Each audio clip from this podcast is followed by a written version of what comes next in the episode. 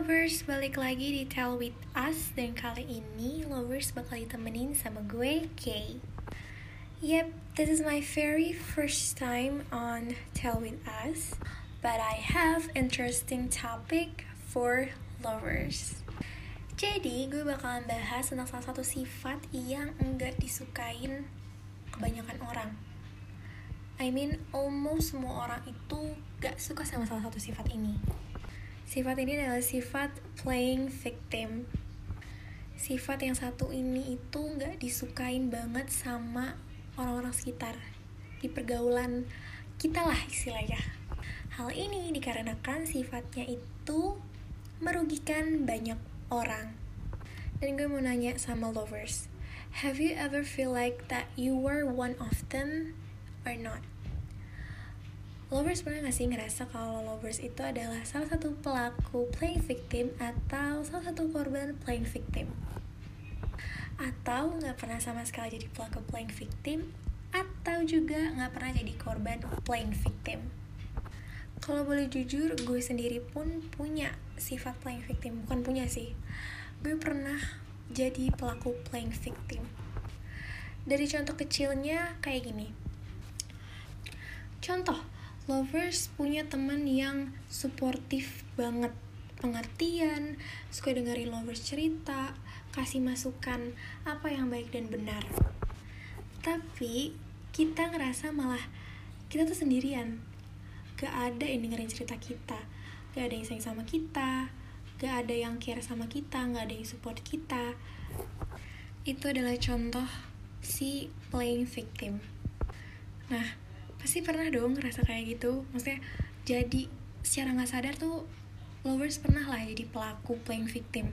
Karena gue pun sendiri pernah gitu.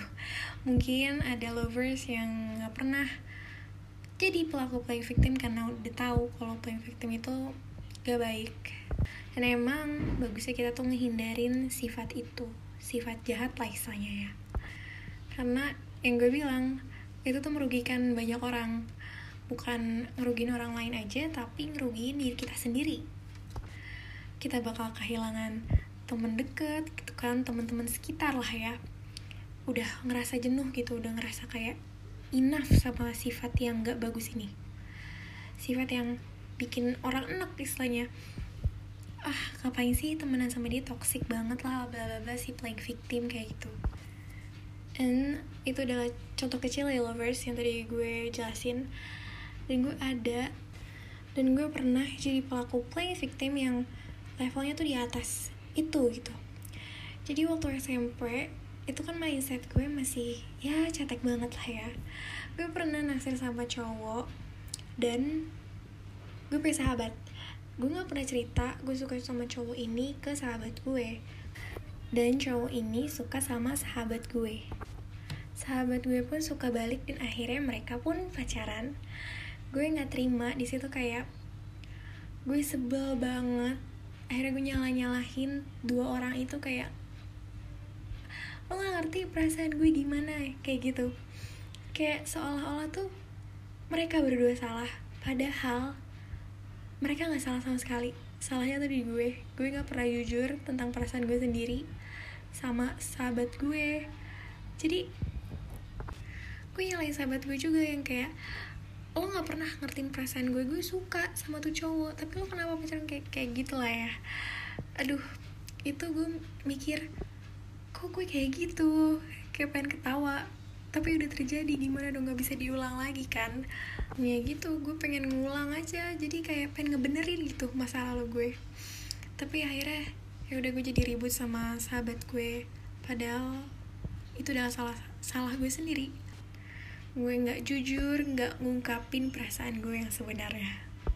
Tapi seiring berjalannya waktu semakin kita dewasa semakin kita tuh ngerasa kalau itu tuh hal yang nggak baik jelek banget lah. Saran gue stop being kekanak-kanakan kalau emang udah old enough gitu. Tapi dengan adanya kejadian itu gue tuh makin mikir kalau di dunia ini di kehidupan kita ini kita tuh perlu banget yang namanya introspeksi diri membenahi diri. Pokoknya kita perlulah yang namanya dikasih senggolan sama semesta gitu. Kayak biar sadar kesalahan kita apa terus kita bisa nge-improve. Dan buat lovers yang masih penasaran sama bingung apa sih playing victim itu sebenarnya playing victim itu adalah suatu keadaan yang nempatin diri sendiri sebagai korban dalam suatu permasalahan yang di mana diri sendiri itu ngerasa tersakiti paling tersakiti untuk dapetin simpati orang lain. Bahkan bisa jadi lari dari tanggung jawab atas kesalahannya sendiri. Aduh, gak suka banget. Ya pokoknya gak bagus banget lah ya. Karena dengan misalnya pelaku playing victim ini tuh kayak ngehabisin energi positif. Pikirannya tuh jadi kayak nyalahin orang mulu gitu bawaannya Nah, yang seperti lovers udah tahu nih kalau playing victim itu kan toxic banget. Nah, dari sekarang tuh lovers setting pikiran lovers gitu. Misalnya kalau ada yang ngeganjal di perasaan atau pikiran lovers, itu lebih baik confess aja. Nah, daripada lovers nyalahin orang lain kan, sedangkan orang lain itu nggak tahu apa kesalahan dia, apa apa yang menurut dia nggak salah tapi menurut dia menurut lovers itu salah gitu. Maksudnya jadi hindari yang namanya kesalahpahaman sih. Pelan-pelan step by step pasti adalah jalan keluar ya ya kan? Buang sifat yang kayak gini ya yang lovers mikirnya kalau nggak ada yang peduli sama lovers padahal nyatanya nggak kayak gitu.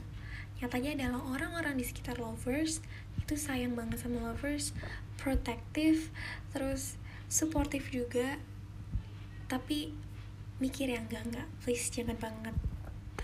Dan buat kalian yang jadi korban playing victim kalian jujur ya be honest.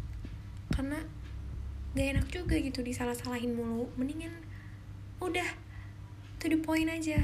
Face to face. Apa yang menurut si pelaku playing victim ini tuh nyalahin lo terus gitu? Pokoknya be honest to each other. Ya saling apa ya bilangi satu sama lain. Misalnya ada yang baik dan benar seperti ini seperti itu kalau ngerasa nggak nyaman juga ya udah jujur aja gitu. Kalau dipendem terus kita yang nggak nyaman. Orang yang si pelaku playing victim juga terus-terusan nyalahin kita gitu. Yuk stop buat ngerugiin orang lain dan ngerugiin diri sendiri. By the way kalau lovers gak tahu tanda-tanda playing victim tanda-tanda orang yang suka playing victim ini yang pertama ada hobi nyalahin orang lain yang kedua ada sering lepas tangan terhadap tanggung jawab dan kewajiban. Ini salah satu yang gue gak suka banget sih. Padahal ini salah kesalahan dia. Kita nggak boleh gitu kan bantu support terus cerita-cerita apa sih yang lo perbuat biar kita bantu solusinya. Tapi gak ditinggalin gitu aja gitu loh. Aduh dan ada gemar membocorkan kesalahan orang lain dan menutupi kesalahan diri sendiri. Aduh itu nggak bagus banget. Terus yang keempat ada suka mengungkit kejadian di masa lalu. Please banget kalau itu masa lalu antara dua orang gitu misalkan kayak pelaku si pelaku playing victim dan korban playing victim itu kayak udah gak sih dikubur aja? Itu kan kayak between us gitu. Ngapain lo ungkit-ungkit lagi supaya masalah lo sendiri itu di cover. Jauhin ya sifat kayak gitu. Yang kelima ada ogah melaku mengakui kesalahan tuh. Padahal ya kalau ngakuin kesalahan itu tuh lega banget gak sih? Kalau misalkan lo lovers pernah yang namanya ngebohong tentang kesalahan diri sendiri itu malah jadi beban sendiri dan takut banget tuh buat yang namanya minta maaf kayak tuh minta maaf adalah hal yang paling gak disukain deh sama para pelaku playing victim. Tabiatnya adalah gengsi ya. Mereka tuh beranggapan bahwa dengan meminta maaf harga diri itu langsung turun harga diri mereka tuh langsung turun padahal enggak minta maaf itu adalah salah satu sifat yang mulia. Karena dengan meminta maaf kita tuh sadar dengan kesalahan kita sendiri dan kita tuh lega dengan apa yang kita udah lakuin. Kalau itu salah dan kita minta maaf. Jadi kita bisa ngerapiin diri introspeksi diri merapikan apa yang berantakan gitu di hidup kita.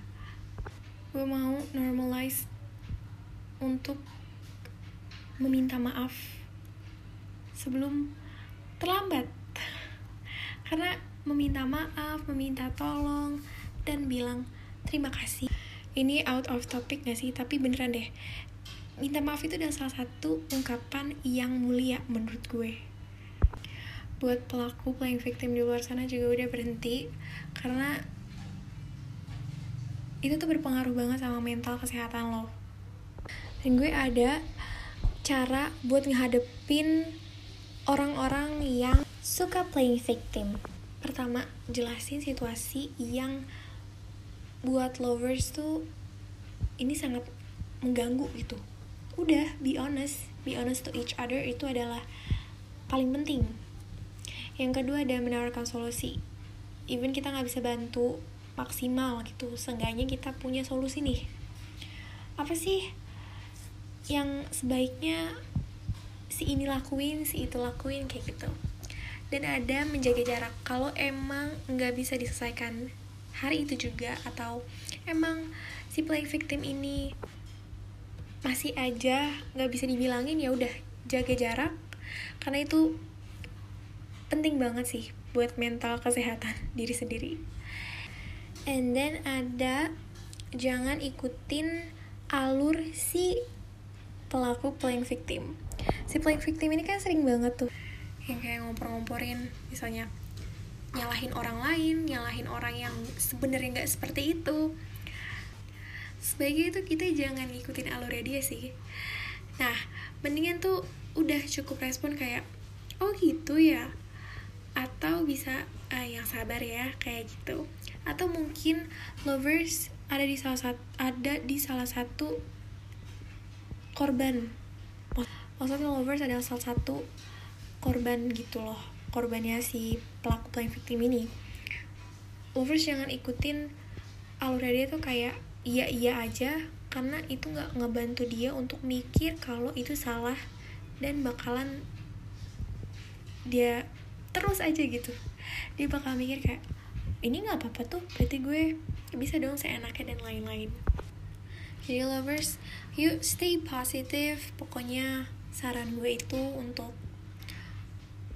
pelaku playing victim atau korban playing victim untuk be honest to each other. Cerita dari salah satu lovers yang minggu lalu itu dengerin Tell With Us. Oke kita mulai aja kali ya. Hello, panggil aja gue Bunga.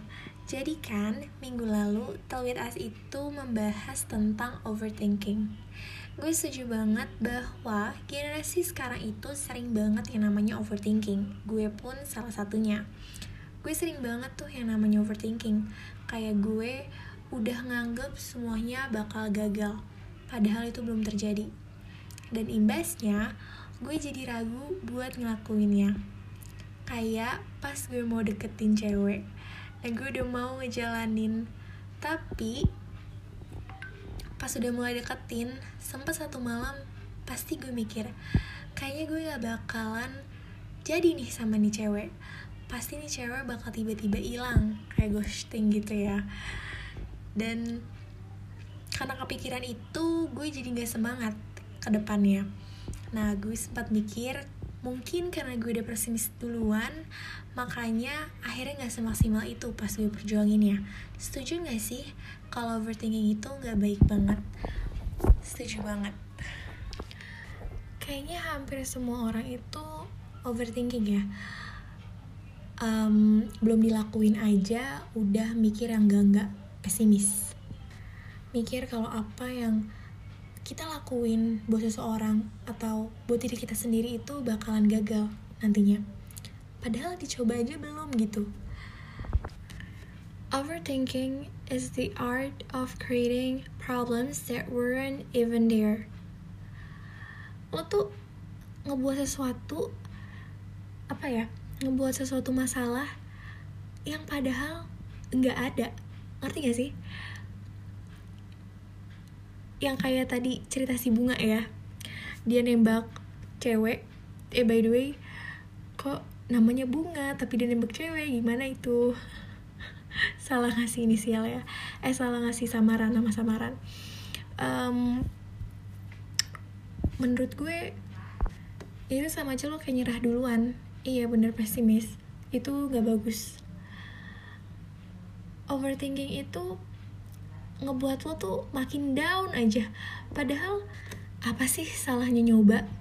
Nyoba sesuatu hal yang emang belum tentu lo tahu gitu. Lovers tahu gimana sih hasilnya nanti. Gue pribadi pun juga lebih suka yang namanya berandai-andai.